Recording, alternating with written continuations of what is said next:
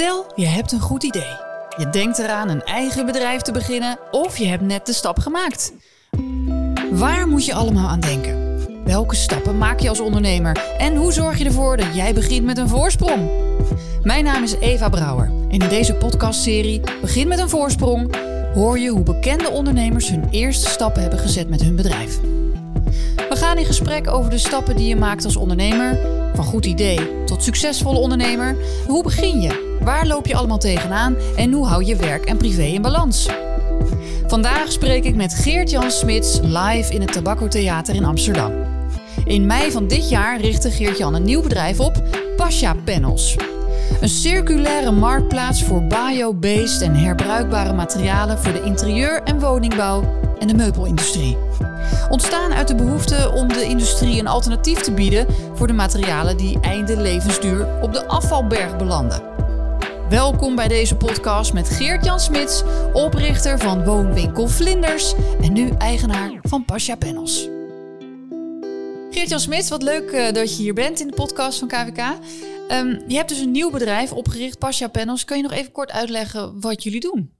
Ja, we zijn een groothandel en verkopen duurzame materialen aan de interieurbouw en de meubelindustrie. Dus denk dan aan plaatmateriaal, uh, isolatiemateriaal, akoestische materialen en natuurverf. Oké, normaal had ik dan een MDF-plaat bij de bouwmarkt gehaald. En nu heb ik dan iets wat gemaakt is van vlas of hennep? Van vlas, van hennep, uh, van gerecyclede materialen of van snelgroeiende gewassen. Uh, zoals miscanthus, olifantgras of bermgras. Kijk, Daar kan je nou, hele mooie materialen van maken. We leren nog wat mensen. Ja. Maar jij komt eigenlijk uit de meubelindustrie, om het zo te noemen. Ja. Je bent oprichter van de woonwinkel Vlinders. Eigenlijk een pionier toen in, in, die tijd op het gebied van online verkoop van meubels. Klopt. Dacht je toen wel aan het einde van, ja, wat ben ik allemaal aan het doen met al, al die banken, al die spullen? Het moet duurzamer? Ja, dat, dat, dat groeide denk ik. We, we hebben in de afgelopen jaren duizenden meubels verkocht. Maar ik besefte wel dat dat uh, het afval van morgen was wat wij verkochten. Want het zijn prachtige spullen, maar uiteindelijk belandt het toch op de afvalberg. En is er geen retourstroom, wordt er niet nagedacht over hoe je die materialen kan hergebruiken. En dat begon wel een klein beetje tegen te staan. Dus toen dacht je, ik ga, ik ga het anders doen. Ja, na de verkoop um, heb ik getekend dat ik drie jaar lang niet in de retail actief mocht zijn. Dacht ik van, nou oké, okay. uh, ik vind de interieurbranche wel heel erg leuk. Ik heb veel contacten. Dus laat ik nou eens uh, gaan toeleveren aan de meubelindustrie en de interieurbouw. En uh, met dan duurzame materialen die je ook weer kan hergebruiken. We gaan eerst eens even terug in de tijd. Wat was jouw eerste onderneming? Mijn allereerste onderneming? Ja, op, op mijn veertiende had ik al een onderneming. Toen uh, ging ik rackets bespannen voor de plaatselijke tennisclub. In Wilnis? Nee, Schalkhaar. Ik ben ik net geboren in Wilnis, maar daarna naar ja, Salland verhuisd. Mijn ouders dan. Ik ging mee.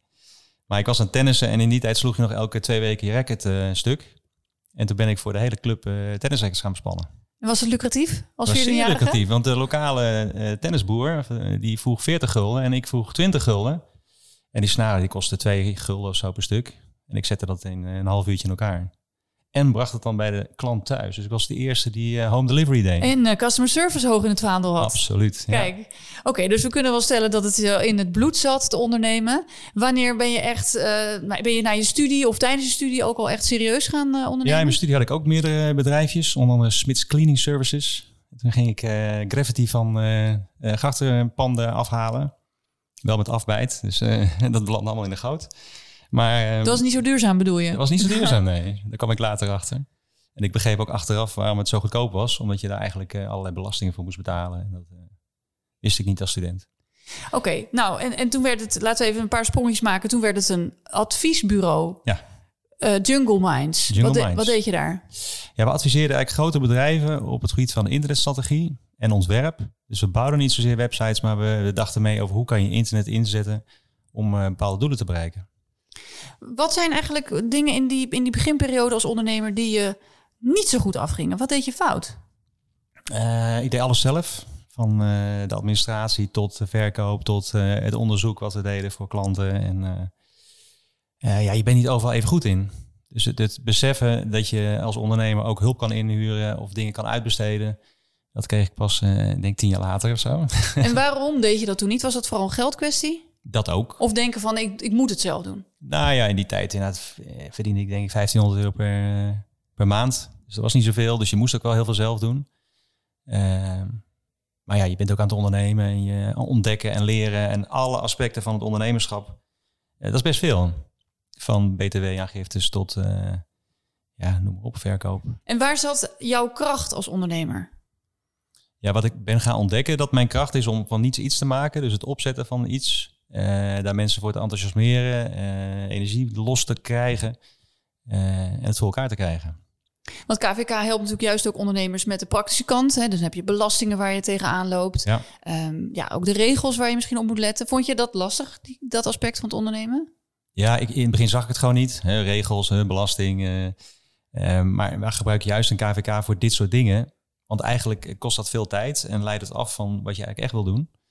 En dat moet wel gebeuren. Dus zeg je nu tegen jonge ondernemers, ga wel alvast eerder dingen uitbesteden? Ja, ja, uh, ik denk het wel. Bijvoorbeeld je administratie. Er zijn tegenwoordig hartstikke goede softwareprogramma's die dat uh, voor je kunnen doen. Uh, je, scant je bonnetjes in en het wordt voor je gedaan. Het kost bijna niks. Maar ik heb de eerste paar jaar dat allemaal zelf gedaan. Bonnetjes, daar was ik de hele weekend bezig met mijn oh, administratie. Ja, dat is ook een, was ook een hobby van mij in het begin inderdaad. Ja. En nog iets anders wat je juist in het begin lastig vond? Financieel of, of geld? Nou, de, de, de onzekerheid inderdaad of het gaat lukken. Uh, en daarmee omgaan. En uh, een paar jaar niet met je vrienden op vakantie kunnen, omdat uh, zij goede banen hebben bij mooie bedrijven en jij zit zelf te, te struggelen. Dat... Klinkt wel een beetje als een topsporter die veel moet opgeven. Ja, dit is wel. je werkt ook al 10, 12 uur per, per, per dag. Dat, Le ja, je leed je gezin daar ook onder? Ja, ja en nee, denk ik. In weekenden probeerde ik wel vrij te houden. En nog nou, Oké, niet alleen door het vlees snijden op zondag. Ja. ja. maar ik vind ook ondernemen is niet iets wat je doet en dan heb je weer heb je privé en zakelijk is zo verweven met elkaar. Je bent er eigenlijk de hele dag mee bezig. Het is ook wel fijn als, als mensen dat begrijpen of zo. Dat, uh, ik kom uit een ondernemersgezin. Ja, en daar, daar draaide alles om de wijn. Dat is een wijnhandel, uh, zowaar. Uh, van mijn moeders kant. Dus dus het, ah ja, dus ook heb je het ook meegekregen. Ja. En toen kwam Vlinders op je pad, uh, wat heel populair was. Een grote uh, meubelzaak, vooral ook online. Ja. Juist eigenlijk. En dat was toen heel nieuw. Want het idee dat je meubels online kon verkopen, dat kwam niet in mensen op. Nee, ook niet bij mij eigenlijk. Ik, uh, ik had tien jaar dus een adviesbureau. En ik dacht van, nou nu ben ik er wel klaar mee met al die powerpoints maken. Ik wil bewijzen dat ik ook zelf iets kan verkopen. daar ben ik heel actief gaan zoeken naar een segment waar nog niet zoveel internet in doordrongen was. En want de kleding en boeken, elektronica, dat werd wel online verkocht. Maar eh, bij meubels werd tegen mij gezegd van, joh, je bent gek als je het gaat doen. Dan denk ik van, hé, hey, hier zit een kans. Nu heb je bijvoorbeeld dus dat bedrijf in plaatmateriaal. Dus dat is eigenlijk ook echt een super niche als je het hebt over bouwmaterialen of, of grondstofvormen. Is dat iets wat je dan mensen aanraadt om wel echt op zoek te gaan naar dat gat in die markt die er nog niet is? Ik denk het wel, ja. Want eh, ik denk als je nu een, een warenhuis wil beginnen met heel veel producten, ja, dan ga je niet winnen van een Bol, van een Zalando. In elke segment heb je al die aggregator, zoals je dat kan noemen. Uh, maar op nichegebieden, op hele kleine onderdelen, kun je het verschil maken. Maar als je, bedoel, heel veel mensen willen graag een webshop en ze zijn bijvoorbeeld dol op kleding of schoenen of accessoires woonaccessoires ook misschien in jouw niche. Zeg je dan van, daar is nog wel een mogelijkheid voor? Ja, zeker. Zeker als je je eigen merk begint. Dus dat je direct to consumer gaat. Dat je niet uh, uh, tussenhandel bent ik geloof wat minder in multi-brand retail. Dus dat je spulletjes van anderen verkoopt. Dus eigenlijk toch een soort warenhuisje spelen. Ja, en dat doen er al zoveel. En wat je nu ziet is een race to the bottom. De prijs uh, wordt steeds lager. Want als jij het niet doet, dan is je concurrent die het wil uh, verkopen voor een paar euro minder. Uh, ja, je verdient er bijna niks meer Oké, okay, dus multibrand zeg jij doe maar niet. Jij zegt ga voor de niche, ga voor je eigen merk. Wat eigen is dan product. een tip om je eigen product? Ja. Dat is niet per se een eigen merk, dat is iets anders. Nou, dat, dat is heel mooi als je daar een eigen merk omheen creëert. Je ziet steeds meer kledingmerken rechtstreeks naar consumenten gaan. van Mr. Marvis tot uh, wat, noem ze maar op. En die zijn zeer succesvol. Die pakken ook de hele keten, dus hebben meer marge. En daar kunnen ze dan weer uh, marketing voor. Uh, ja, precies. Dat is eigenlijk die begonnen inderdaad eerst met een truitje en toen werd het een broekje. Dus ja. klein, in, in, gewoon heel duidelijk in één ding kiezen. Ja, dan snapt de consument of jouw klant ook wat je, wat je doet en weet ook wanneer je wel en niet bij die partij terecht kan. Um, vind je het ook belangrijk dat een, een, ondernemer dan een eigen verhaal heeft eromheen? Of een goed, he, het woord concept, maar hoe doe je dat? Ja, hoe mooi is het als je net ook een verhaal hebt, dat je een hele duidelijke keuze hebt gemaakt voor een regio, een productcategorie. Eh, en een reden waarom misschien? Ja, storytelling, we hebben het ook al over gehad. Dat, dat is denk ik heel belangrijk. En uh, niet het verhaal om het verhaal, maar uh, dat je echt ergens als ondernemer voor gaat en dat kan laten zien ik denk dat daar klanten ook wel op aangaan. Nou, dacht ik zelf altijd dat online ondernemen vooral dat naar buiten toe roeptoeteren was en zichtbaar zijn. En dit is dus ook een beetje je merkverhaal naar buiten toe. Maar jij zegt dat is eigenlijk pas het topje van de ijsberg. Ja, ik denk het wel. Ik denk het, op zich het trekken van bezoekers, dat is bijna een trucje geworden met CA, met uh, shopping, uh, SEO. En daar kun je ook inhuren. Dus bezoekers kun je nog wel trekken. Maar wat er dan gebeurt, uh, een webshop en de achterkant daarvan, je logistieke apparaat, je cash management, je inkoop, je voorraadmanagement, hè, koop je wel de juiste dingen in. En wat doe je met retouren? Hoe ga je die afhandelen? Uh, hoe ga je ze vervolgens weer aan de man brengen? Er zit zo'n achter, achterkant achter de webshop die de consument ziet. En dat is wel echt wetenschap geworden. En dat is ook zo anders dan een winkel runnen. En ja. dat mensen eigenlijk niet begrijpen of niet beseffen, denk ik. En is het dan wijsheid om je juist aan te sluiten bij een groot bestaand platform, een Bol of een, uh, weet ik veel, Coolblue, ik verzin maar even wat. Of, of kan je het wel zelf doen? En moet je dan advies inwinnen? Wat is je tip? Ja, je kan het zeker zelf doen. Het hangt ook heel erg van het product af. Uh, wij hebben hele volumineuze producten. Dus op dit moment is er een magazijn van 15.000 vierkante meter. Maar verkoop je sieraden, ja, kun je natuurlijk prima zelf in je, in je zolderkamer opslaan. En zelf verzenden, dat is nog wat te doen. Dus het hangt denk ik wel van het product af.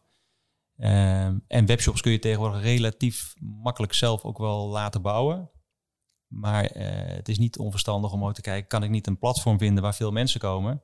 Dus ga daar zijn waar de consument zich bevindt. Bijvoorbeeld bij die sieraden, ga dan op Etsy zitten bijvoorbeeld. Ja, ja, precies. Dan weet je dat je meteen inprikt op een, uh, op een grote doelgroep. Wat je zelf niet heel snel gaat bereiken. Nog even iets praktisch wat ook wel lastig is en veel mensen vinden. Retouren. Ja. Moet dat gratis? Drama, retouren. Vond jij dat een drama? Nou, ik denk dat het de reden is waarom e-commerce op dit moment eigenlijk geen winst maakt. Uh, en uh, ik denk dat dat eindig is. Dus die, die race naar de bottom, dat alles moet gratis en goedkoop zijn.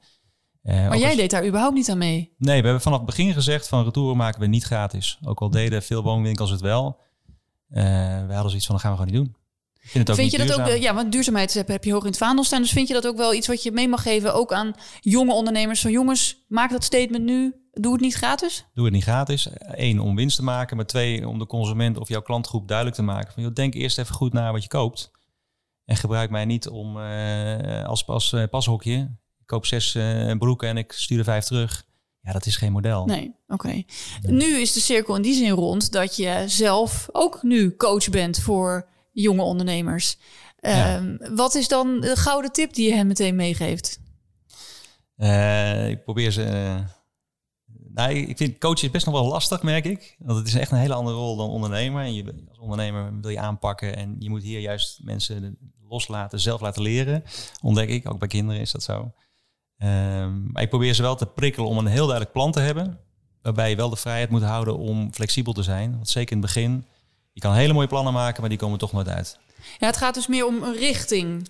Ja, dat je wel inderdaad een keuze maakt voor een, een, een productgroep, een merk, een, een, verhaal waar je voor staat. En durf je ook de dingen te delen die niet goed zijn gegaan bij jou? Kan je, en kan je ja, ons een voorbeeldje geven? Er zijn er zoveel. Er zijn er zat. Nee, ik denk uh, uh, mensen om mij heen, en zeker ook bij Vlinders, die zeiden dat ah, heb je Smits weer met een nieuw idee. En uh, maar uiteindelijk zijn we wel gegroeid door die ideeën op te pakken. En van de tien zijn er denk ik acht heel goed gelukt, of zes. Nou, maar uh, uh, ik zeg ook altijd veel fast, dus probeer het wel. En als niks wordt, ja, stop dan ook snel. Stop snel, uh, trek snel de stekker eruit. Als ook wel eens soms uit trots zou je dan nog willen misschien dooremmeren met iets wat eigenlijk niet werkt. Ja, dat is gevaar. Dat je blijft hangen in het verleden of in dingen die niet werken. En dat kan, je, dat kan het einde betekenen. Veel fast. Dus je mag gewoon ook dingen doen. En dan als het niet lukt, dan is het leer ervan. Fantastische leerervaring. Kun je zeggen, dat hadden we niet moeten doen. Maar daar hebben we van geleerd en gaan we ook nooit meer doen. Maar zeg jij, je moet wel genoeg geld op de bank hebben om eventuele missers even te kunnen compenseren, of niet? Nou, het is wel handig om een klein potje te hebben uh, voor onvoorzien. Uh, wij noemen het altijd algemene kosten. En we wisten niet waarvoor ze waren voor volgend jaar, maar dat je wel een potje had. Uh, er kan een medewerker ziek worden die je moet vervangen. Er kan van alles gebeuren. En is dat toch iets wat niet sexy genoeg is of toch gauw vergeten wordt? Ja, ik denk dat een, een gemiddelde ondernemer is natuurlijk opportunistisch. Alles gaat goed. En dat moet ook. Dat heb je ook nodig. Je, het heeft geen zin om na te denken dat het niet gaat lukken. Dan moet je niet beginnen. Uh, maar rekening houden met wat onvoorziene tegenslagen of dat dingen toch anders gaan lopen dan je denkt. He, we kregen ook een vraag over uh, wat voor, hoeveel voorraad moet ik nou kopen voor mijn eerste keer. Ja, je weet het eigenlijk niet. Dus doe dan niet te veel en test en kijk wat goed loopt. Kijk waar het zoekvolume zit. Dus waar zoeken mensen op? Uh, zo deden wij het eigenlijk ook met vlinders. Dus het is niet altijd, uh, soms is bij ondernemerschap een soort uh, gorilla-houding. Heb ik, ja, risico gaan. Maar daarin mag je ook soms juist wel voorzichtig zijn en. Ja, wees kwetsbaar en, en leer van het feit dat het niet altijd goed gaat. Is dat nieuw, die kwetsbaarheid? Dat je daar ook meer open over mag zijn? Mm, ja, ik weet, ik, het is in ieder geval gezond om het te zijn. Ik denk, je hebt er niks aan om te denken dat altijd alles lukt, want dat is gewoon niet zo. Ook niet voor een Elon Musk of uh, noem ze maar op. Kijk, heel goed. Heel ja. goed. Ja. Dus, uh, en voor de mensen die nu misschien nog half in loondienst zitten en, en denken van ga ik die sprong wagen, wat zou je tegen hen willen zeggen? Ja, ik zou zeggen ga all in. Doe het wel of niet. Ik geloof niet in half. Uh, een beetje trainen win je geen marathon mee. Dus, dus ja, zeg voor jezelf bijvoorbeeld, ik ga een jaar lang ondernemen. Ik ga alles geven wat ik heb. Ik ga er 100% voor. Ik zeg mijn baan op. En mocht het dan niet lukken, haal ik mijn doelen niet na een jaar. Dan mag je ook weer uh, met een gerust hart uh, een baan gaan zoeken. Maar dan heb je het wel geprobeerd. En, en ik denk als je dat twee dagen per week doet, dat je dan nooit succesvol gaat worden. En dan heb je juist misschien iets op je cv staan waar jij juist extra trots op mag zijn. Ja, wat, wat, wat, werkgevers juist heel cool vinden. Ja, ja, ik heb verschillende ondernemers die het hebben geprobeerd. Het is niet gelukt, maar die hebben nu fantastische banen in het reguliere bedrijfsleven. Die hebben wel uh, lef getoond. Leuk dat je luisterde naar deze podcast met Geert-Jan Smits van Pasja Panels. KVK krijgt veel vragen over starten en 11 november is er weer een KVK Start-event. En daar kun je gratis bij zijn met al je ondernemersvragen. Dan hebben we natuurlijk weer een nieuwe inspirerende gast voor je. Om erbij te zijn, kijk op kvk.nl/slash startevents.